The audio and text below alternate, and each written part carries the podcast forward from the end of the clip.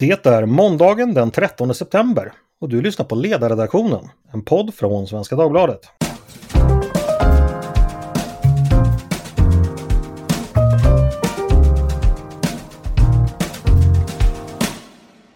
Varmt välkomna ska ni vara! Om ganska precis, men inte exakt, ett år, den 12 september år 2022, kommer det också vara en måndag precis som idag. Och Sverige kommer precis ha haft riksdagsval. Men vilket valresultat är det vi kommer vakna upp till då? Och hur kommer förutsättningarna att se ut när folket återigen fått möjlighet att säga sitt? Det ska vi tänka och fundera lite på i dagens podd. Jag heter Andreas Eriksson och med mig har jag två erfarna opinionsanalytiker som vet mycket om hur svenska väljare tänker, tycker och röstar. Per Rosenkrantz exempelvis. Du är opinionsanalytiker och konsult på Nordisk PA, tidigare moderat partitjänsteman. Välkommen hit Per! Stort tack, stort tack!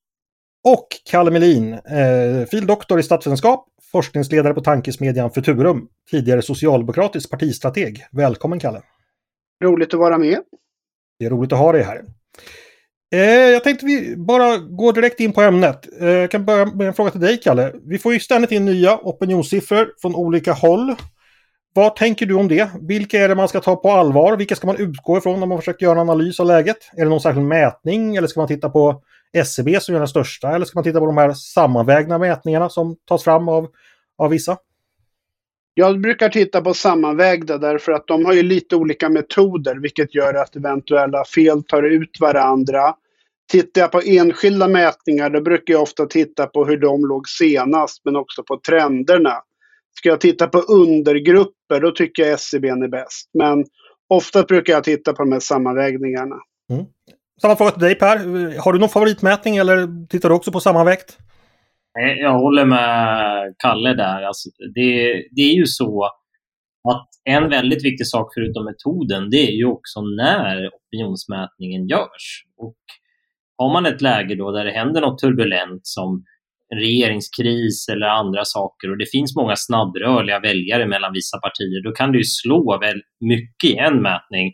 Men sen summerar man månaden med alla mätningar som har täckt in hela månaden. Då, för de har ju inte, oftast gör man ju inte en undersökning under en hel månad utan det är kanske två veckor, en vecka eller och så vidare. Då får man en helhetsbild av den månaden tycker jag med poll och pols. Så förutom metoden så är det just den här mätperioden. Och det är ju samma sak med SCB. Det kan ju vara den bästa opinionsmätningen helt klart, men problemet är att den görs ju bara två gånger per år. Mm.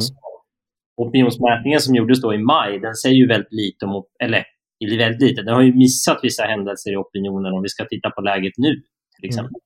Just det. En frå fråga där bara. Eh, det har diskuterats hur mycket, hur bra opinionsbranschen har varit på att eh, förutsäga valresultat. Det diskuterades ju jättemycket efter presidentvalet i USA 2016 exempelvis. I Sverige vet jag ju att det har varit lite problem med att eh, ge bra prognoser för Sverigedemokraterna. Men i, så vitt jag minns det senaste valet så låg väl ändå de flesta prognosvakare relativt väl. Eller Kalle, kan du hjälpa mig här? Hur, hur, hur bra har mätningarna stått sig i förhållande till när vi har fått facit så att säga? Ja, jag skulle nog säga att tittar man tillbaks på det senaste svenska valet, det var två institut, det var väl Centio och YouGov som låg helt fel ute med alldeles för höga nivåer för Sverigedemokraterna. Eh, och det är ju då digitala mätningar med självrekryterade paneler, men samtidigt så var ju tillsammans med Demoskop så var ju, var ju Initio då närmast och de låg ju liksom kring, hade också den typen av paneler men bättre på efterbearbetning. Eh, så om man tar bort två institut som väl lite elakt inte visste vad de höll på med så låg man ju väldigt bra till med ett väldigt litet genomsnittligt fel. Mm, just det. Eh, det om opinionsundersökningar generellt. Eh, jag tänkte fråga lite vad ni tror om läget just nu. Eh, under sommaren så har det ju mer och mer kommit att utkristallisera sig att vi har två regeringsalternativ eller nya block i svensk politik. Det är dels då det som en gång var Alliansen minus Centerpartiet som numera tänker sig att regera med någon typ av SD-stöd. Och dels då regeringen som numera verkar vilja och behöva stöd av både Centerpartiet och Vänsterpartiet.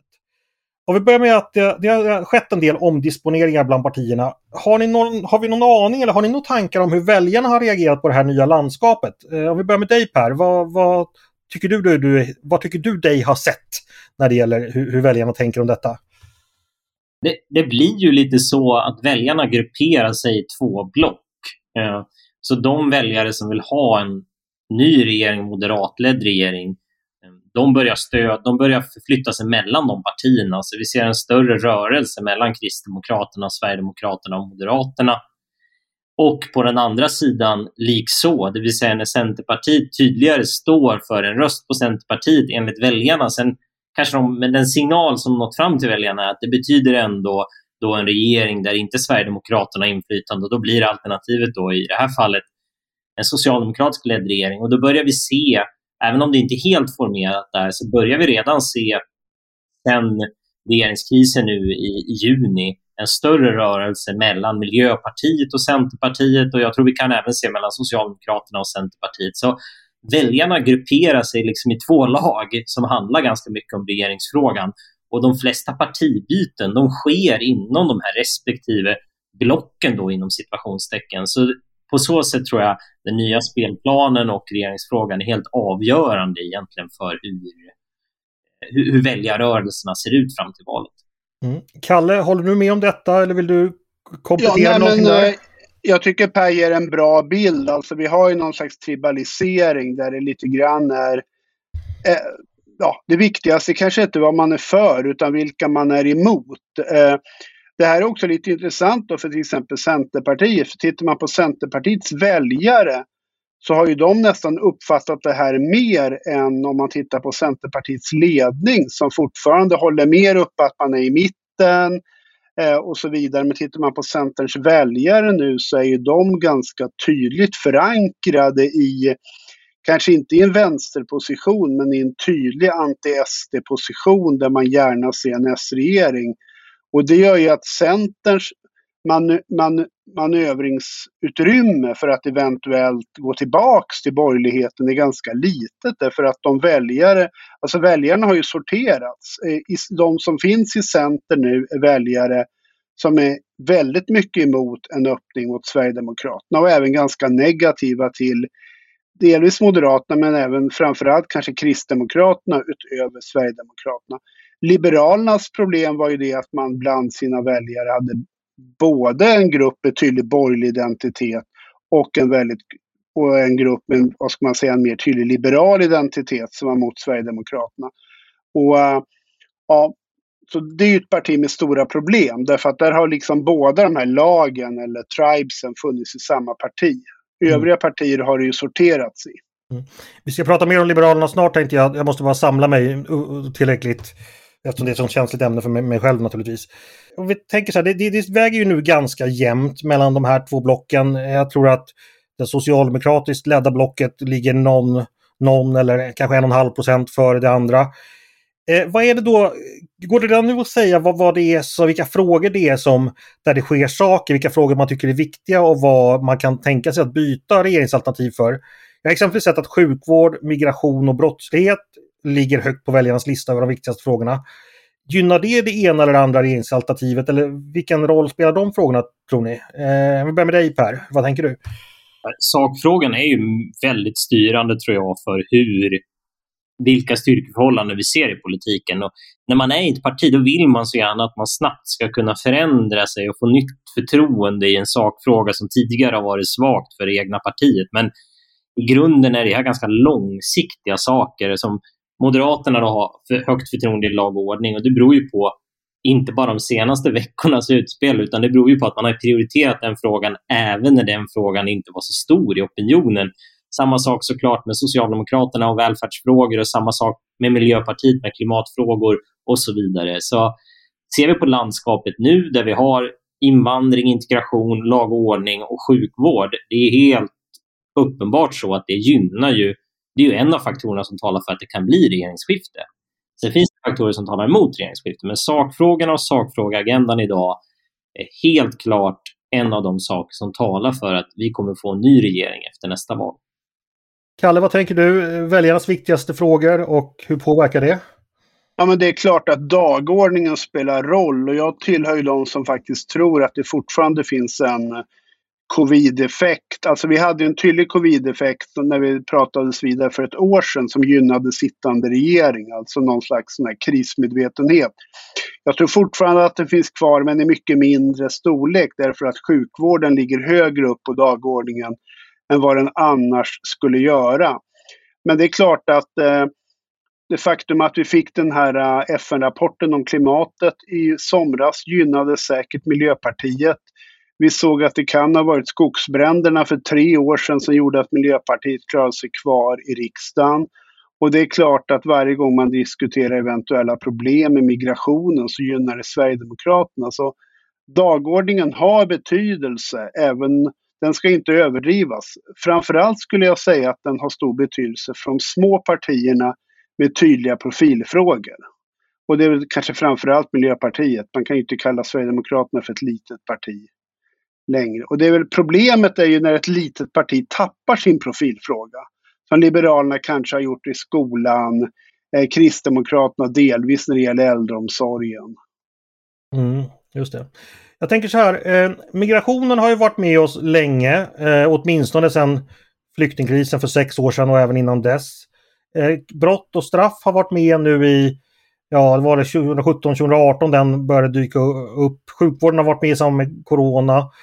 Per, ser vi några nya frågor? Nu nämner Kalle klimatet exempelvis. Finns det andra frågor som liksom ligger där ute som man skulle kunna tänka sig kommer bli viktigare just under året fram till valet? Jag vill backa bandet där lite. Det är ju faktiskt så att vi har diskuterat migrationsfrågan och vi har diskuterat lag och ordning, men närmare valet, de två senaste valen, lag och ordning till exempel, nu har jag inte exakt i huvudet, men det var inte med på topp fem tror jag i vallokalsundersökningar, det viktigaste frågor, i senaste valet. Och migrationsfrågan var med, tror jag, topp fem, om det var topp tre till och med, men den dalade lite mot slutet från att ha varit e- ett första fråga under stora delar av mandatperioden. Så att även om vi tar de här frågorna som du just nu nämnde, så om de skulle vara topp tre i valet skulle vara lag och ordning, eh, migration och sjukvård så har det alltså aldrig varit så i ett val tidigare i Sverige. Så det är en ganska unik eh, rörelse.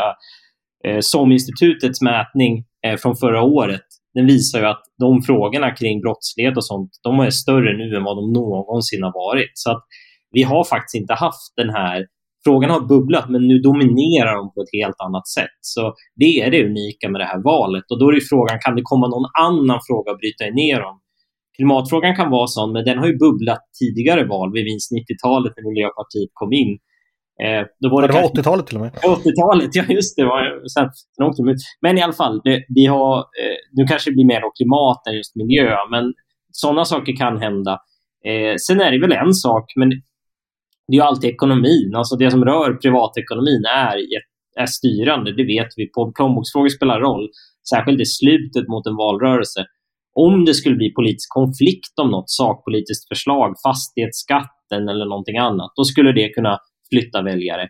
Eller om det blir någon sättning i ekonomin som påverkar stora, breda löntagargrupper, då skulle det på, kunna eh, såklart ha en inverkan på valrörelsen och vara en bubblare. Men givet vad vi vet från tidigare val så tror jag framförallt klimat och miljö och möjligtvis då om någon sån här plånboksfråga kan komma upp under valrörelsen skapa intresse hos väljarna och vad de här väljarna som står och väger som inte riktigt vet vilket alternativ de ska rösta på. Det kan vara en sån sak som får dem att ja, gå över gränsen till det andra alternativet helt enkelt. Mm. Kalle, vad, vad, tänker du om det som Per pratar om? Eventuellt nya frågor som skulle kunna dyka upp som inte riktigt är där uppe idag men, men är på väg upp? Ja, alltså jag skulle säga att det finns ju det finns ju tre villkor för att en fråga ska vara viktig. Dels måste den vara viktig för väljarna. Men sen måste också väljarna uppfatta att politiken kan göra skillnad. Och det kan ju man kan ju tycka att miljö är viktigt eller vad vet jag, antibiotikaresistens. Man kanske inte uppfattar att det här är en politisk fråga. Och det tredje villkoret är att det finns en tydlig politisk liksom, konflikt. Eh, och det är klart, om alla tycker att brottslighet är ett stort problem, men man inte riktigt tror att politiken kan göra åt det, eller att man tycker att ja, men partierna vill ju göra på ungefär samma sätt, då blir det mindre i betydelse än om det uppfattas att partierna står för helt olika inriktningar. Sen kan ju sådana här bubbelfrågor dyka upp. Vi har ju haft abortfrågan som till exempel kom upp både i det förra riksdagsvalet och eh, i Europaparlamentsvalet året efteråt. Alltså i valrörelsen 2018 så fick det nog en del LO-medlemmar, framförallt LO-kvinnor, som lutade åt SD att gå tillbaks till Socialdemokraterna. Och när frågan kom upp utifrån Lars Adaktussons röstande våren 2019 så gjorde det nog att en del väljare som övervägde Kristdemokraterna istället gick tillbaka till Moderaterna eller Sverigedemokraterna. Så sådana här små frågor, de kanske inte flyttar över blocket, men de kan möjligtvis ställa till det inom ett block. Mm. Jag skulle vilja flika in bara att jag tror att jag håller, jag håller med analysen, men lite grann det här, ibland kommer den in, jag tycker många som säger att det finns inte så stor konflikt egentligen i lag och ordning och brottslighet. Och det är klart att det finns ju ingen konflikt om att det finns ju inget parti i Sverige som vill att vi ska ha den gäng, gängkriminalitet vi har idag. Eh, eller vill ha misslyckad integration. Men, men så är det ju på många samhällsområden. Det är ju ingen som vill ha vårdköer heller. Men jag tror väljarna idag ändå ser två tydliga alternativ. Det må vara så att konfliktlinjen är inte så stor mellan S och M alla gånger. Men det är ju regeringsalternativen. Och där har vi sen, Socialdemokraterna har Miljöpartiet och Vänsterpartiet med sig. Och Miljöpartiet och Vänsterpartiet har ju givetvis enligt väljarna en helt annan syn, delvis i alla fall, på de här frågorna än Moderaterna, Kristdemokraterna och Sverigedemokraterna. Så därför kommer det finnas en konfliktlinje i det här. Till exempel som invandring, mer eller mindre flyktingmottagande till Sverige. Även om S och M skulle vara överens så de båda regeringsalternativen innehåller relevanta konfliktlinjer i valet för väljarna. Mm, just det. Jag tänkte en fråga, eh, nu menar jag inte att kränka er så här, men, men hur mycket av er, våra spekulationer nu är egentligen grundade i vad vi kan veta? Alltså, eller översatt frågan så här, hur mycket kan man egentligen veta innan ett, ett år innan ett val var det kommer landa? Hur, hur mycket sitter vi bara liksom och ja, pratas runt och hur mycket vet vi egentligen? Eh, och, och om säger att vårt samtal hade varit då i september 2017. Hur bra hade vi då kunnat förutsäga det som hände i september 2018 och så överföra det till nu? Om ni förstår vad jag menar. Hur, vad, vad säger du Kalle? vad vet vi erfarenhetsmässigt att man, man kan förutsäga och vad kan man inte förutsäga? Alltså svensk politik har ju om man tittar på de stora dragen varit ganska stabila. Det är klart Sverigedemokraterna har etablerat sig på en större nivå och sånt där men om man bara tar exemplet 2017 till 2018. Jag skulle säga att i princip alla förstod sig på det visste att det troligaste alternativet är att det rödgröna blocket, som det såg ut då i mätningarna, kommer att bli marginellt större än Alliansen. Men Sverigedemokraterna kommer komma in och inget block får egen majoritet. Det var ju dock någonting som ingen ville diskutera i partierna. Fast alla visste att det var det troligaste scenariot. Vilket då ledde till den här konstiga typen av uttryck som framförallt gjorde det kanske svårt och gjorde att den här regeringsbildningsprocessen blev som den blev och drog ut på tiden med interna konvulsioner i framförallt Liberalerna men även i Centern. Eh, samtidigt så kan vi titta på Tyskland där man för ett halvår sedan hade man varit ganska säker på att det hade handlat om de gröna eller CDU skulle bli största parti. Nu ser det ut som att sossarna i Tyskland blir störst med de gröna och det är de gröna och CDU slåss om andra platsen. Så det kan gå ganska fort. Men ja, vi, vi kan ju spekulera, men jag skulle säga så här. Den, den gamla alliansen kommer inte få egen majoritet. Eh, de rödgröna partierna kommer inte få egen majoritet. Eh, M, KD, SD, L, om L kommer in i riksdagen, har väl hyfsad chans att kunna få det, men ligger ju inte där idag. Jag skulle vilja säga att jag, det vi gör, man gör ofta fel, är att man överskattar hur för stora förändringar som kan ske mellan två val i svensk politik. Om vi tittar på exakt samma period för ett år sedan, då hade Moderaterna 17 procent SD var större än Moderaterna. C låg på 10-12 procentenheter och Socialdemokraterna låg nästan på 30 procentenheter. Och då, då kunde man dra, dra ut tangentens riktning där och peka på C kan gå om M och sådär. Men slutsatsen är nästan alltid att det blir ungefär som i det förra valet, men vissa skillnader. Och de skillnaderna är på marginalen avgörande för regeringsfrågan och avgörande för partiets fortsatta utveckling. Men det blir liksom inga revolutioner och det bygger ju på att ja, 40 procent av väljarna byter parti mellan val, men primärt byter de väljarna och den andelen har ökat, absolut. Men kom ihåg då att det är många som inte byter. Så även om den anledningen skulle gå upp till 50 procent så skulle hälften av alla väljare aldrig inte byta parti. Och enligt valforskarna finns det många väljare som aldrig har bytt parti och förmodligen aldrig kommer byta parti, utan de röstar på sitt parti så att säga. Mm. Eh, och, och sen är det väl så också att de flesta byten sker ju inom respektive block. M, KD, V, TS och så vidare. Men närmare valet så brukar folk gå tillbaka till sina ursprungspositioner. Och det är därför då skulle jag kunna tänka mig att om det när, precis innan valet kommer vara så att ja, men SD är liksom lite större än Moderaterna, men då blir förmodligen Moderaterna lite större än SD. Och om M måste vara väldigt mycket större än S inför valet för att jag ska tro att S på valdagen ändå inte kommer vara det största partiet. Det finns en återhållande effekt, för det är en sak vad man säger i en mätning och det är faktiskt en sak vad man faktiskt röstar på. Så inga revolutioner, men, men små förändringar som på marginalen spelar väldigt stor roll. Och jag tror det värst, största vi gör det är liksom att överskatta de enskilda mätningarna och att vi drar ut tangentens riktning för mycket. Titta, det här partiet tappar, ja då kan det åka ur riksdagen, fast det inte kommer att göra det. Eller, det här partiet kommer bli större än något annat parti, fast det skiljer jättemycket fortfarande och så vidare. Okej, okay. Kalle? Ja, det där, jag, jag Per har många kloka resonemang där och man kan ju säga att de gånger vi har sett förändringar, alltså jag menar, tre partier, nu är Sverigedemokraterna mycket större än dem, men både Sverigedemokraterna, Kristdemokraterna och Miljöpartiet som ju då är de nya partierna, de har ju då fyllt luckor i den politiska kartan som liksom på något sätt inte riktigt var tillgodosedda innan. Alltså Moderaterna var ett väldigt liberalt parti för att vara ett högerparti. Eh, då fanns det utrymme för Kristdemokraterna. Eh, det har alltid funnits en stor grupp ganska invandringsnegativa både i arbetarklassen och eh, bland borgerliga väljare som tidigare röstade på Socialdemokraterna eller Moderaterna. Nu finns de i Sverigedemokraterna. Ehm, så den typen av såna grundläggande strukturer, och det är klart att vi har ett helt annat arbetsliv. Mycket av socialdemokratins problem hänger ju liksom ihop med att arbetslivet ser annorlunda ut eller, eller att man inte är på samma nivå. Men det som Per säger att de, de det där händer ibland att det bryter in något nytt, men i övrigt så sker de flesta skiften inom blocket. Det är väldigt få som just nu funderar på, ska det bli Centern eller Sverigedemokraterna? Problemet för Liberalerna är väl möjligtvis att de har möjligtvis haft en sån position. Om de här andra partierna har tagit tomma positioner så kan man nu undra att den position som Liberalerna en gång i tiden hade, finns den positionen överhuvudtaget kvar på kartan?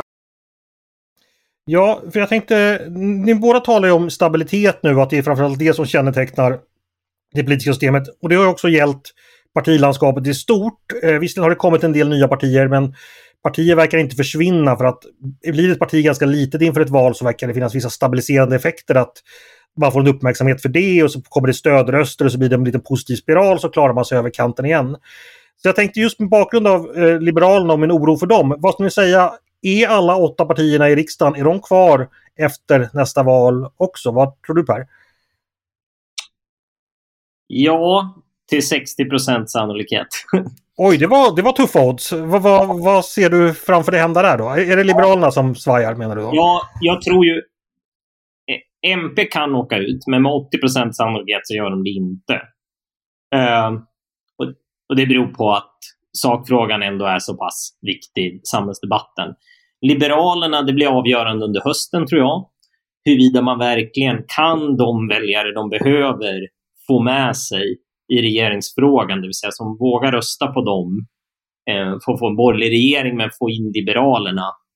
Kan de lita på den här omsvängningen man har gjort? Och, och Då har man gjort lite krumbukter hit och dit som har sina goda förklaringar i att man måste ta internpolitisk hänsyn och så vidare. Men, men nu har man nog bara en chans att man har en stämma framför sig. Kommer den gå igenom? Kommer Nyamko komma ut stärkt från den? Kan man då börja få upp lite intern lugn och ro? Eh, och vi kommer ihåg Kristdemokraterna i Almedalen inför valet 2018. Då hade de eh, runt 3,5 procentenheter. Men jag tror de måste ligga där någonstans. De måste upp runt 3-3,5 när vi går in till sommaren innan valet. Annars blir det som Annars kan det bli pyspunka i valrörelsen helt enkelt. Man måste ligga och nalla på 4 spärren. Nu är man för långt nere. Så det här är ett formativt skede helt enkelt. Jag tror inte man bara kan säga man ligger på 2% Ja, det är fyra veckor kvar till valet. Nej, men då kommer folk stödrösta upp. Jaså? Nej, mm. så det tror jag inte man vågar. Det, det är ju förskräckande saker du säger här för en gammal folkpartist som mig. Eh, Kalle, kan du trösta mig eller är du lika bister här som Per? Jag är nog till och med lite bistrare, för jag skulle nog säga att jag skulle vända på det här 60-40. Jag skulle nog säga att det är 60 chans att eh, vi bara har sju partier kvar i riksdagen efter nästa val. Och det troligaste är ju att Liberalerna åker ut. Även om, liberal, om Nyamko har en bra stämma eller vad man säger. Så jag menar, det är fortfarande så att de som vill ha en annan linje än Nyamko eh, dominerar i alla fall ett par av, storst av de storstadsdistrikten. Det kommer att finnas riksdagsledamöter på valbara platser som ganska öppet emot partiets inriktning i regeringsfrågan. Eh, det behöver inte innebära att de inte kommer att stödja den om de kommer in, men det kommer att göra att Liberalerna uppfattas som ett parti man inte kan lita på. Sen har Per helt rätt, alltså någonstans vid 3,5 procent, då kom 3-3,5, då kommer stödrösterna. Hamnar man under 3 i snitt, då är det snarare tvärtom. Då kommer väljarna att fly sista veckorna för att man är rädda för att kasta bort sin röst. Det är bara att fråga Kristdemokraterna om deras resa på 70 80-talet. De låg nära spärren flera gånger, men hamnade ändå bara runt 2% därför att folk vill inte kasta bort sin röst. Mm. Ja, det, det, är förfärligt att lyssna på men, men jag får ju naturligtvis tugga i mig att det är så här verkligheten ser ut. Hörni, vi ska bara kort gå vidare till ytterligare en sak. Eh, vi pratar mycket om stabilitet och att svensk politik ofta ser ganska lik ut än tid, den gjort tidigare. En sak som jag, jag i alla fall tror är nytt, det gäller könsskillnaderna i partisympatier. Det har ju uppmärksammats jättemycket av flera medier att framförallt Sverigedemokraterna och därmed också det eh, regeringsalternativ som Sverigedemokraterna stöder stöds i mycket, mycket högre grad av män än av kvinnor och, och tvärtom åt andra hållet. Eh, Kalle, vad kan man säga om det här? Är det här någonting nytt och hur nytt är det och eh, vad beror det på? Alltså det är ganska nytt. Alltså historiskt sett så uh, har vi haft små könsskillnader och fram, mellan partierna och de som har funnits har oftast funnits inom eh, blocken. Alltså att Folkpartiets väljare har varit lite mer högre andel kvinnor än Moderaternas och så vidare. Men de har ökat och jag tror väl att det här lite grann hänger ihop med det här att vi har fått nya konfliktdimensioner. Man brukar säga att i den här gamla politiska höger-vänster-skalan som handlar om socioekonomi. Då var ju klass den viktigaste faktorn. Det var din inkomst som avgjorde. Men i den här galtan som man kallar det för, eller mera kulturkrigsskolan där mycket av migration och eh, klimat och sånt finns med, då är det utbildning, men även kön. Eh, som spelar stor roll. Som klass hade stor betydelse så är det nu mer utbildning, men till viss del kön. Mm. Men jag menar, då fanns det ju en logik innan när det gäller klass att om man ville ha så att säga, om, man, om man kom från arbetarklassen och ville ha större utjämning i samhället för att få det bättre, då röstar man på socialdemokratin. Det finns ju en logik i det så att säga. Vad skulle motsvarande logik se ut i det här könsmotsättningen menar du? Eller vad, hur, hur tänker väljarna? klimatfrågan är ju en sån, även liksom toleransfrågor. Ju som, jag menar, migration handlar ju inte bara om liksom hur många ska vi ta in, utan det handlar ju också om tolerans för människor som är annorlunda än en själv och liknande. Jag tror det är, jag tror det är i grunden bara handlar om, nästintill bara handlar om Sverigedemokraterna. Tittar man på män och kvinnor så det har alltid funnits en viss skillnad, även tidigare, att det är fler kvinnor som identifierar sig något till vänster på den politiska skalan, även om man sorterar för liksom inkomst och så. Det, det kan ju härröra till några av de aspekter som, som Kalle tar upp. Men den stora attitydskillnaden det är ju hur man ser på SD, där män inte har samma kritiska syn på Sverigedemokraterna som eh, de har, som kvinnor har.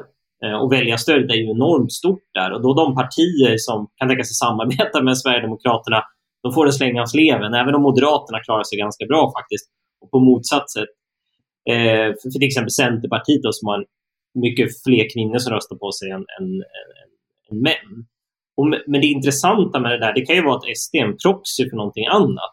Men utmaningen när man tittar i sådana attitydundersökningar, eller, det kan ju vara att de inte kanske fångar det, men ska flyktingmottagandet öka eller minska? Ja, det finns en viss skillnad mellan män och kvinnor, men den är inte så dramatisk som den ser ut i, om man tittar på sympatierna till Sverigedemokraterna. Frågar man ungdomar till exempel, då är väl SD, de, om det är ja, näst största parti eller så just nu, bland unga män. Bland kvinnor så var det på fjärde plats eller något. Det är ju jättedramatiska skillnader. Så det är någonting annat som SD fångar, som liksom inte fångas i, som stödet och synen på SD fångar upp, som inte syns i sakfrågor eller annat.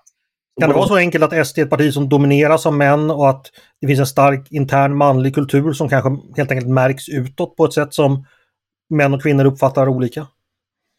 Ja, det finns ju en annan hypotes också som har att göra med att särskilt unga män är väldigt anti-etablissemang eh, på många fronter i sitt liv och därför så attraheras de.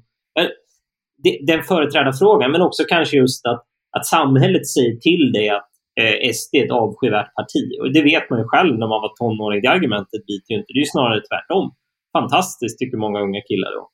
Ja, nu är du ung och rebellisk som fan. Du sätter hårt emot hårt. Du vet precis ja. vad du vill. Mm. Ja, nej, men det är, ligger ju en hel del i det där och jag tycker att det, det är intressant som Per säger därför att könsskillnaden är mycket mindre bland äldre män och äldre kvinnor än vad de är mellan yngre män och yngre kvinnor. Där har du ganska dramatiska skillnader. Medan våra föräldrars generation, där är inte den politiska skillnaden mellan män och kvinnor särskilt stor. Den finns, men den är mycket mindre. Mm. Och det hänger ihop med utbildning också. Väldigt många fler unga kvinnor utbildar sig än unga män. Det är ju ett gap, det är ett samhällsproblem på andra sätt om man ser till arbetsliv och framtidstro och hälsa och saker och ting. Hörrni, vi börjar få slut på tid. Jag tänkte bara avsluta med att ni ska få göra en liten prognos som jag kommer eh, givetvis komma ihåg om ett år och ringa upp er och ställa er till svars inför. Vem är det som vinner och vem försvinner? Ja, försvinner har ni ju då tyvärr hintat om att det kan bli Liberalerna. Men vem blir statsminister efter nästa val, tror ni? Vad säger du, Kalle, om du får börja? Efter en lång och krånglig process kommer Centerpartiet och Vänsterpartiet att inse att de behöver prata med varandra. Och eh, det kommer att finnas en knapp majoritet för de rödgröna partierna plus eh, Centerpartiet, vilket innebär att Magdalena Andersson kommer att vara statsminister efter valet. Och Per, du får också ge ut på samma djupa vatten. Ulf Kristersson blir statsminister efter nästa val med 68 procent sannolikhet. Mm, jag hade tänkt 67,5 men där ser man. Jag ville säga 70 men det skulle verka för övermodigt och folk skulle tolka in det som parti till sympati. Så jag tänker nu lägger jag ett vetenskapligt raster mm. och då kommer det verka mer trovärdigt. Så 68 procent. Ja, tänk på att du pratar med en doktor, eller vi har en doktor i statsvetenskap med oss här, så att han kanske har invändningar. Men hörni, eh, då minns jag detta, jag antecknar detta, jag ringer er om exakt ett år och sen så pratar vi vidare om hur bra era prognoser stod sig. Stort tack eh, Per Rosenkrantz och Kalle Melin för att ni ville vara med oss i podden idag och prata väljare och eh, väljarsympatier. Tack så jättemycket. Tack, tack. Innan vi tackar för idag ska jag passa på att tipsa om en annan podd på Svenska Dagbladet. Det är en nyhetspodd som heter Dagens Story. Där man på en kvart varje dag får en fördjupning till aktuellt ämne. En kvart alltså bara. Alltså, de är betydligt snabbare än vad jag är på att komma till sak och sätta punkt. Eh, för den podden jag leder, den heter Ledarredaktionen. Eh, en podd från Svenska Dagbladet då förstås. Varmt välkomna att höra av er till redaktionen med tankar och synpunkter på det vi har precis diskuterat. Kanske vill ni också skicka in era egna tips hur det går i valet om ett år. Då är det bara att mejla till ledarsidan snabel svd.se. Dagens producent har varit Jesper Sandström och själv heter jag Andreas Eriksson. Jag hoppas att vi hörs igen snart.